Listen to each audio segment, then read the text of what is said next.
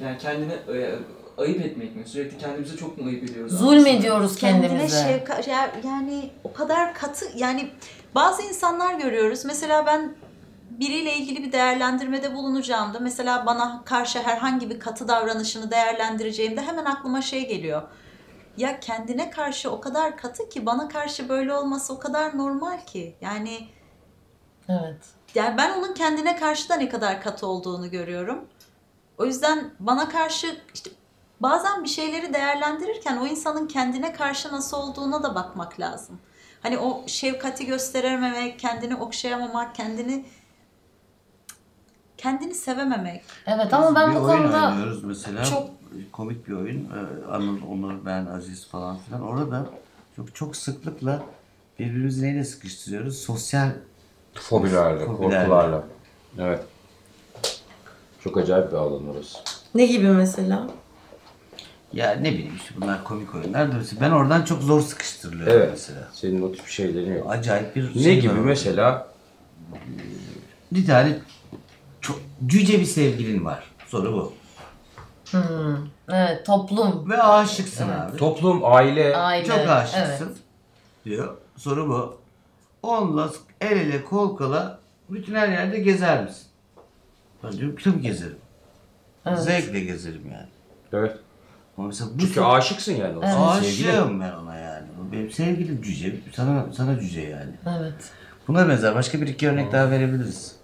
Aklıma gelirse söylerim. Bu Yani hissettiğin e, kişi olarak hissettiğin şeyi toplum, aile, şu bu nerede ne kadar engelleyebiliyor. Cem tabii bize göre daha rahat cevaplar verebiliyor. Evet. Çünkü dünyayı algılayışı da öyle şekilde ama e, önemli şeyler bunlar. Toplumu, yani- aileyi ne kadar kalbime dahil ediyorum ben veya etmeli miyim veya Evet. ediyorsam nasıl def etmeliyim? Ben mesela evet ben ben bununla yaşıyorum.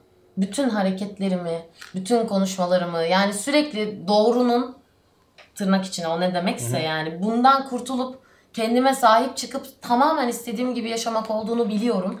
Beraber Ama- geçirdiğimiz zamanlarda tamamen öylesin. Evet, aynen. Bazı insanların yanında gerçekten olduğum gibi olabiliyorum. Olmak istediğim gibi olabiliyorum. Çünkü biliyorum ki eee, ben kilo da alsam beni sevecekler. Ben bu bardağı kırsam da beni sevecek. Ben saçımı o an tutup kessem de, onun bir kitabını yırtsam da beni sevmeye devam edecekler yani. Çünkü sevmek öyle bir şey. Çünkü sevmek evet böyle bir Sevmek- şey. Sevmek rağmen bir şeydir yani her zaman. Rağmen her şeye rağmen Evet. seversin. Ayrıca hiçbir şey yapmayanı e, bütün olması gerekenlere sahip bir şey sevmek çok kolaydır. Ve bunu zaten herkes buna okey olur. Ama gerçek sevmek öyle bir şey değildir. Değil mi? Yani kusurlar önemlidir. Yani Bizi biraz biz önce yapan- şey Mehmet dedi ya işte sinirli, öfkeli bir şekilde Sinirli anlat. öfkeli değil canım. Şu an çok tatlı bir şey. Hayır hayır hayır duyuyorum şey ben. tam da şeyi söylüyordum. Yani öfkeli bir şekilde anlatıyorsun gibi bir şey söyledi Şimdi sanki. bir tarafı heyecanlı bence. Bir tarafında da hakikaten bu sıkışmayla ilgili içeriden bir şeyler de öfkeleniyor. olabilir Evet. yani. Öfkelenebilir Konuşamıyor işte olmanın. öfkelenebilme özgürlüğümüz de yok sanki Evet. bizim. Yani bu bir ilişki içinde de öyle. Yani ben mesela Cem'i seviyorsam ve bir ilişki sürdürüyorsam sanki Cem'e hiç öfkelenmemem gerekiyor. Mümkün mü Tam böyle bir şey? bana Tam öfkelenme tersine. özgürlüğün olduğu Mümkün mü müddetçe böyle beni bir şey? Sevebilirsin. Biz bütün her zaman konuştuğumuz şey bu. Sen bana- Çekindiğin, korktuğun Biz kimseyi sevemezsin. Dün dile versi gece bunda birbirimize girdik biz ya. Hı. Bağır, Evet, bağır, bağır, bağır. çağır olduk yani. Kavga edebilmek iyi bir şey. Çünkü Çünkü öfkemizi ifade edebileceğiz Evet. ki sevelim. Yani sevdiklerimizle ancak böyle bir şey. Ya ben de şey çok pardon. kendine şefkat gösterememek Hala biraz da buradan mı geliyor acaba? Yani çocukluğumuzda hani annelerimize, babalarımıza öfkelendiğimizde bunu ifade edemiyoruz ya. Şimdi O- bu terapist olmasına rağmen cevabını bildiği soruları ortaya atıyor ki. bilmiyormuş gibi. Ya hayır bilmiyormuş gibi değil ki. Ben her şeyi bilemem ki. Ebeveyn- yani herkesin bir şeyi var, hikayesi var. Genellikle bütün dünyada ve bütün kültürlerde şöyle sorunlu. Hakkında olumsuz bir şey hissetmemen bile gereken. Çok korkunç yani. Öfkelenme hakkın yok. Evet. Sevmeme hakkın yok. Kızmama hakkın yok. Nefret etme hakkın yok. Hatta incindiğini söyleyip onu incitme hakkın yok. Böyle bir böyle bir ilişkide nasıl rahat edebilirsin? Üstelik genellikle çocukken onlara dair olumsuz duygularımızı günahla, kötüyle, yanlış yapmakla işaretlemişizdir yani. E, obsesyonlar böyle ortaya Bir de çıkıyor. çocuklar işte o duygusal omnipotansiyeli nedeniyle düşündüklerini ve hissettiklerinin gerçekleşeceğini zannederler. O arada anne bir de hastalanırsa Allah Allah Allah. Senin yüzünden hastalandım da dediyse bittin abi sen.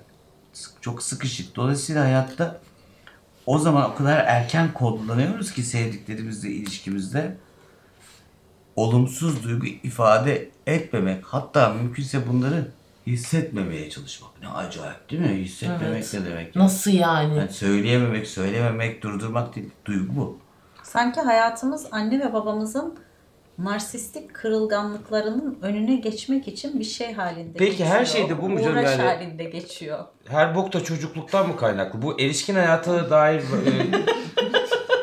hatalarımızı da aklayan bir şey ya. Yani ne bileyim ben sana bir şey yapıyorum. Canını yakıyorum. Sen sonra diyorum ki ya kusura bakma babam beni küçükken böyle ıslak havluyla döverdi. Ne yapayım yani? Ya hayır.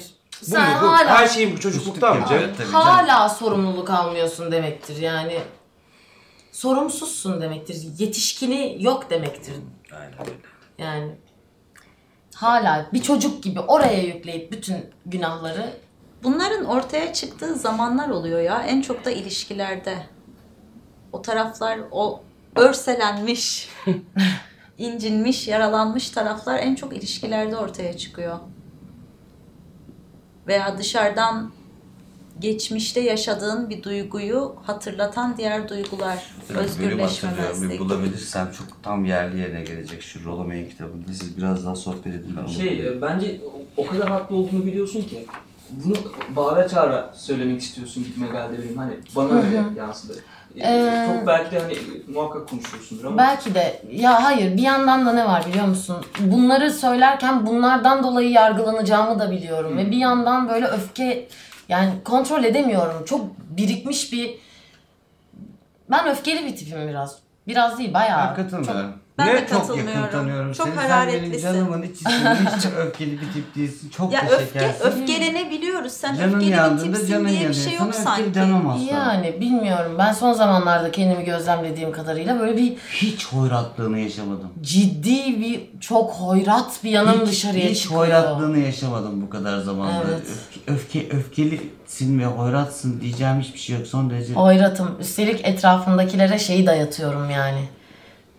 Ee, onları değiştirmeye çalışıyorum. Ve ebeveynim dışarı çık dışarıya çıkıyor öyle söyleyeyim ya. Evet, evet, İçimdeki çıkıyor. ebeveyn Ya o. şey gibi bu çıkıyor. Neyse ki bunu biliyorum ve denetleyebilme şansına sahibim artık. anlattıkların bana hep şey gibi geliyor. Sanki e, hepsi toplaşmış sizi sığ bir figür olarak gösterme çabasındalar. Yani Ne, bizim- düşünemeyen oyuncuları, Evet. düşünemeyen, düşündüğünü ifade etmeyen, derin konularla ilgili yorum yapmayan, e, oysa biz seninle sabaha kadar öyle sohbetler ediyoruz, öyle en şeyler ağır konuşuyoruz metinleri ki. okuyup en rahat ve keyifle konuştuğum arkadaşlarımdan biridir bu. Çok acayipti Evet. yani. Ve bütün bunları ifade etme İyi bir şey özgürlüğün yok. Yani şöyle o, O çok kısıtlayıcı, kötü bir şey ya. pozisyonlandırılmanla ilgili maalesef. Düşünsene mesela bir televizyon Günün sonunda bir ürün Hazar, olabiliyorsun. Hazar'a ne sorular sorarlar. Çok Hazar'ı görmemizi kesinlikle engelleyen sorular. Tam da ondan bahsediyorum. eminim. Nasıl geçti? Proje güzel miydi? Ay o kıyafetiniz nereden mi aldınız? Falan filan gibi hiç derinliğe dönük, onun içine dönük, gerçekliğine dönük soru soran da yok. Ama Siz hep çoğunluk, sette çok eğleniyorsunuz. O yalan değil mi? Mesela çok çoğunluk eğleniyoruz. bununla ilgileniyor. Çoğunluk Bak bunu uzun duymak süre Beyaz Şov'a skeç ve soru hazırlamış birisindir değil mi? soru sormayayım. Ünlüye soru sor. sor, Ne sor. sorusu? Yani şimdi tabii nasıl bir programda ve veya nasıl bir gazetede çalıştığınla da çok ilgili bir şey bu. Evet, Ama sabit aynen. bir takım böyle hayatı kolaylaştıran sorular var. Yeni albüm hazır mı işte? Yeni film projesi. Yani o sette Vay, eğlenme geyiğini var. biliyor musunuz? Sette e- yani ben Tabii ki mesela o eğlendiği konuda zamanlar oluyordur da mesela ben şey diyen bir oyuncuyla karşılaşmayı çok isterdim. Yo, çok sıkıldım. Sette evet, çok çok sıkıldıkla karşılaşmayı ister miyim bilmiyorum ama biz sette perişan olduk ya. Çok ağladık. Acayip etkilendik. var diyenler ya. Ben rastlamadım ya ne bileyim. Çok yok ama. var var var. var. Belki öyle filmlerin Fakat oyuncuların röportajlarını şöyle, dinlemediğimdendir. Olabilir Ekibi belki. dışarıda bırakmadan hep birlikte yaptıkları bir şey olarak söyleniyor. Yani Hmm. kimse çıkıp kendi kişisel acısından, E, tabii, tecrübesinden bahsedemiyor orada. Çünkü dışarıda kalmak bir sorun haline geliyor özellikle o PR döneminde. Şey sana nasıl hissettiriyor onu da soracağım bak. Ben zaman zaman bazı ünlülere yapıyorum çünkü bunu. Seni yarı bilen insanın Abi çok kötü Mesela ya. şeydeki kız bu ya. Hayır bir de Şeydeki geliyor mesela. Ya. Siz Ha, şeydeki kızsınız değil Şey mi? diyor, pardon sizin adınız neydi? Sizde yok, özür dilerim bunu özellikle belirtmek Senin adın zorundayım. Siz gibi güzel bir kelime varken senin adın neydi? diyor. Ne diyeyim ben sana şimdi anladım niyetini, niye geldiğini biliyorum. Beni bir yerden tanıyorsun Hı. ama sana benim adım bir düşün bakalım. Hazar. Nereden Hazar tanıyorsun? Ergüçlü. Filan diyeceğim. Hangi dizide oynadın sen ya diye devam ediyor. Abi onu da mı ben söyleyeyim? Tanımıyorsun beni gitsene ya. Git beni de bırak kendini de yapma bunu bize ya. Sonunda da diyorsun ayrıca. Evet. Hı. Yani hayır tanımadığın, sevmediğin, adını bile bilmediğin, nerede oynadığını da bilmediğin birisiyle senin fotoğrafın olsa ne olur, olmasa ne olur ya? Ne olur, ne değişir hayatına, ne eksilir? Tanımıyorsun, umrunda değilim senin, ne de çocuğunun, ne de karının, ne de sevgilinin. Rahat Biz Hazar'ı gördük. ya. Hazar da bizi görecek mi? Ha, o da var. Herhangi bir kebapçı duvarında fotoğrafın Var mı? tabii abi. Çağırdı onlara Adana'da. bakınca böyle çok Tek değişik şeyler. dürümcü var. Eski Mesut'ta herkesin fotoğrafı var. Abi beni çekti gel gel dedi. Aha dedi senin yerin de burası. İyi çıkmış o mısın müthiş bari? bir adamdı Bazıları da çok mesela korkunç yani. Çok çıkıyor. sahici birisi yani. Sen koy abi koy yani. Demin bir şey bana bir, bu burayı okumak ihtiyacı hissettim de biraz derinleştireceğim ama konuşmayı. Şurada diyor ki ben bunun tam tersine bu konuda anksiyete duyması gerektiğini ileri süreceğim. Bu Oedipus oyununda gösterildiği gibi olgun trajik anksiyetenin yapıcı veçesinin ta kendisidir. İntihar simgesi, ölümle yüz yüze gelme yetisi, psikoloji ve psikiyatrideki varoluşçu yaklaşımda merkezi bir konumdadır. Bunlar yaşamın trajik yönleri de olsa olumsuzlama değillerdir. Ölümle yüzleşme büyümenin ön şartıdır. Öz bilincin ön şartıdır. Kişinin kendisini terk etme yetisidir. Daha derin bir deneyim yaşamak için mevcut emniyetli durumundan vazgeçme yetisidir. Orgazmın sıklıkla kısmi ölüm ve yeniden doğuş simgesi olarak belirmesi bir tesadüf değildir. Kadının cinsel orgazm yaşayabilmesinin de insanın bu kendinden vazgeçme yetisi, kendisini riske atmasının tezahürlerinden biri olmasına da şaşırmamak gerekir. Fransızcası neydi? Küçük ölüm derler. Küçük ölüm. Bakar mısın yani kendinden vazgeçmekten bahsediyor. Ve o trajik yönüyle karşılaşmaktan bahsediyor. Onun sorumluluğunu almaktan bahsediyor. O kadar cılız değil yani mesele. Şurada şöyle bir laf ediyor.